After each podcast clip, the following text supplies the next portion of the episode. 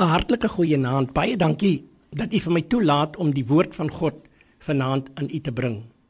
Ons lees vanaand saam met 2 Kronieke 7 vers 14. 2 Kronieke 7 vers 14. En my volk oor wie my naam uitgeroep is, toon berou en bid en vra na my wil en draai terug van hulle bose weë af, sal ek luister uit die hemel en hulle sonde vergewe en hulle land genees. Liewe luisteraars, hierdie is 'n baie bekende skrifgedeelte wat elke een van ons uitdaag om op te hou kla oor die wêreld se manier van sake doen en dinge te hanteer.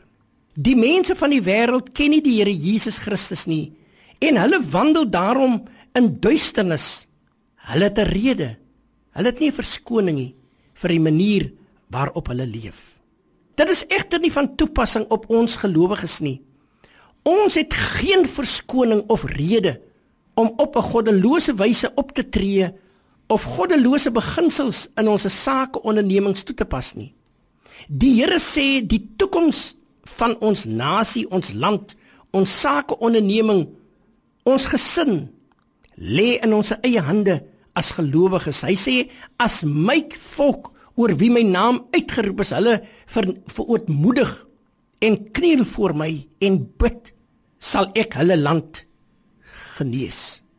God is in beheer van Suid-Afrika. God is in beheer van hierdie land en God sal vir ons as kinders van die Here deurdra.